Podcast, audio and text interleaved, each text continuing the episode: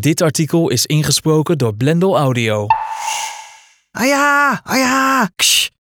Plotseling beginnen de rangers te schreeuwen. Ze rapen stenen op die ze hard de struiken inslingeren. Vanaf het begin van de wandeling waren ze al wat nerveus.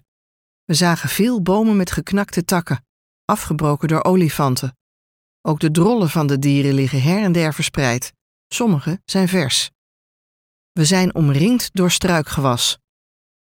Olifanten zijn weliswaar heel groot, je ziet ze niet in de dichte bossen en je hoort ze ook niet. Ajax! Wij, vijf vakantiegangers die normaal een kantoorbaan hebben, maken ons uit de voeten. Kom, roept ranger Naman Wenku mee. Vlug hollen we achter hem aan. Het gevaar lijkt geweken. Het was echt een heel grote olifant, zegt Wenku onder de indruk. En het dier was erg dichtbij. Meer dan 20 meter zal het niet geweest zijn. De website van Biosphere Expeditions waarschuwde al: het is geen safari, het is een avontuur. Of het wel zo'n goed idee is om een olifant met stenen te bekogelen? Terug in het basiskamp heeft wetenschapper Alan Lee zijn twijfels. Zo weet je zeker dat ze geïrriteerd raken, maar je doet wat je kunt op zo'n moment. Samen met expeditieleider Malika Fetak begeleidt bioloog Lee deze reis van Biosphere Expeditions. Twaalf vrijwilligers helpen mee met het veldwerk in natuurgebied Enokinshu Conservancy in Kenia. De andere deelnemers komen uit Duitsland, Frankrijk, Finland, Engeland, de VS en Canada. Het doel van de expeditie? In kaart brengen hoeveel impala's, gnoes, zebra's en andere dieren hier rondlopen. Maar eerst hebben we een dag veiligheidstraining. De hobbelige busreis van hoofdstad Nairobi naar Enonkishu was het gevaarlijkste deel van de expeditie, bezweert Vettak. Hoewel er naast een zonnesteek en een verbrande huid toch nog wel wat gevaren zijn op de savannes en in het struikgewas van Kenia. Met de supergiftige slangen en spinnen valt het mee hier en het gebied is vrij van malaria-muggen. Het grootste probleem zijn buffels en olifanten. Alles wat die dieren willen is bij ons uit de buurt blijven, zegt Vettak. Maar als de dieren zich bedreigd voelen, zetten ze soms de aanval in. Zolang we met de auto zijn, zullen ze niets doen. Aan auto's zijn de dieren gewend. We merken dat dieren nerveus worden als we te voet zijn. Terwijl dat nou juist zo leuk is aan deze reis. Wie op safari gaat, wordt een dag rondgereden door een gids. Wij mogen straks zelf over de savanne rijden en gaan te voet op pad. We bespieden dieren vanuit een schuilhut bij een drinkplaats en gaan een heuvel op om met onze verrekijkers de wijde omtrek af te speuren. Naast de instructie omgaan met gevaarlijke dieren is er een snel cursus banden verwisselen en uitleg over de walkie-talkies, GPS en andere apparatuur die we nodig hebben in de wildernis. Daarna nemen de rangers ons mee voor een game drive. Voor even zijn we wel degelijk op safari. We klimmen achter op de pick-ups en komen al gauw zebra's en gnoes tegen en een plas vol nijlpaarden. Of we olifanten en leeuwen zouden tegenkomen in ons onderzoeksgebied, was van tevoren allerminst zeker. Maar Ranger Albert Chariot weet tot onze verrassing een grote kudde olifanten op te sporen. Daarna nemen we een kijkje bij de drinkplaats.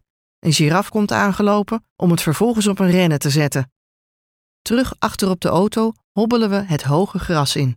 Daar vindt de ranger wat hij zocht: leeuwen. Ze zijn de afgelopen weken niet gezien in het gebied, maar kennelijk zijn ze terug. Een groep van zes deze keer.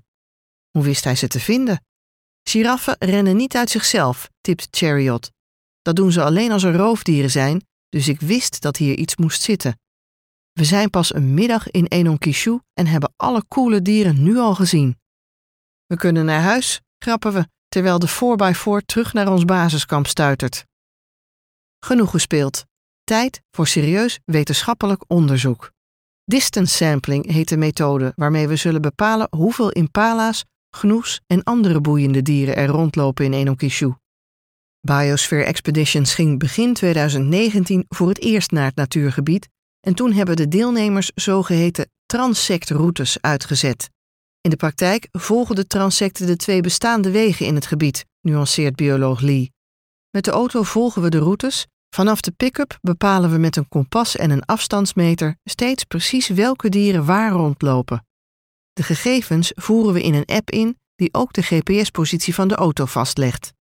1, 2, even kijken, 6 zebra's op 90 graden, klinkt het al gauw achter op de auto. Afstand? 53 meter. Geslacht? Um, Daar heeft de ranger die meerijdt meer kijk op. Eén hengst, vier merries en een veulen. Vrouwtjes hebben een bredere zwarte streep in hun bilspleet. Dat blijkt de truc. Volgende diersoort, 32 Thomson-gazelles. Er zitten 11 Grand gazelles bij, verbetert de ranger. Oeps. Lee zei het nog zo. Het begint met het achterhalen van de goede diersoort. En wij deelnemers zijn bepaald geen geoefende biologen. Alles wat ik weet over Afrika heb ik uit The Lion King, geeft een Amerikaanse vrijwilligster eerlijk toe. Het lastige van dieren tellen is dat ze bewegen. Een gnoe op 46 meter.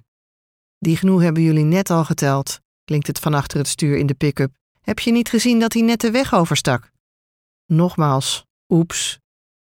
Het resultaat van onze metingen, als we het goed doen en genoeg tellingen verzamelen, is dat Lee per diersoort kan achterhalen hoe groot de kans is dat we ze zien vanaf een bepaalde afstand. Een giraffe bijvoorbeeld is van verre te zien. De schattige dikdik, een mini-antilope, is na een paar meter al verstopt in hoog gras. Zie je zo'n kleintje op 15 meter afstand en weet je dat het grasland nog 600 meter doorloopt in de lengte en 150 meter in de breedte, dan kun je een schatting maken van het aantal dikdiks in het gebied. Je moet het wel voor elke soort begroeiing opnieuw doen, benadrukt Lee. In Enokishu is niet alleen grasland, maar ook dicht struikgewas, open struikgewas, laaglandbos, heuvels. Hoeveel wild er in totaal in Enokishu zit, heeft Lee aan het eind van de expeditie nog niet helemaal in beeld. Dat vraagt nog aardig wat rekenwerk. Maar het is een geweldig gebied, concludeert de bioloog verbaasd. In twee weken voeren we bijna duizend waarnemingen in. Soms van een enkel dier, soms van grote kuddes. Ik had nooit verwacht zoveel dieren te zien. Voor dieren die zich weinig laten zien is distance sampling niet bruikbaar. Daarom zette Lee een aantal andere opspoormethoden in onze agenda. We gaan op pad, met de auto of te voet, en noteren de zeldzame dieren in de app zodra we ze zien. Daarmee kunnen we niet zeggen over het aantal van die dieren, maar we weten dan in ieder geval dat ze er zijn en waar ze zijn. We zien ochtends bijvoorbeeld wat jakhalzen en acht grote oorvossen spelen vlak naast het pad. Op de hoge heuvel in het natuurgebied loopt geen transect, maar de franjeapen in de bomen komen zo mooi wel in het systeem terecht. De aantrekkelijkste meetmethode valt in de praktijk helaas wat tegen.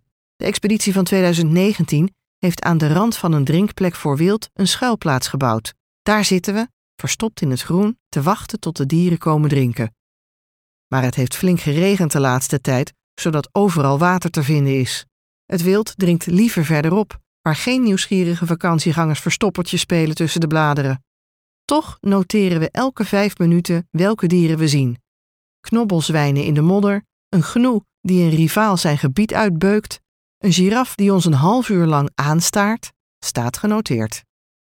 Na twee weken in Enokishu weten we de dieren haarfijn te herkennen. Impala's hebben op hun achterste zwarte strepen in de vorm van een M. Waterbokken hebben op hun kont een witte cirkel met de vorm van een wc-bril. Nou weet ik alleen nog niet of het patroon op mijn legging van een luipaard of een cheetah is, zegt de Amerikaanse deelnemster. Daar hebben de Rangers ook geen antwoord op. Als afsluiting doen we zelf met de auto's een game drive. Rangers hebben we niet meer nodig. Tenzij we te voet zijn. Paul, rennen! Voor de tweede keer tijdens de wandeling moet ik er op volle kracht vandoor. Net nu ik een foto aan het maken was van de drol van een Impala-mannetje. Zo snel ik kan, sprint ik achter Ranger Wenkume aan. Even kijk ik achterom. Een olifant komt ons achterna. Het omkijken levert me meteen een achterstand op van 4 meter op de Ranger. Niet slim. De rest van de groep was al een eind vooruitgelopen met de andere Ranger. Zij zijn veilig. Rennen!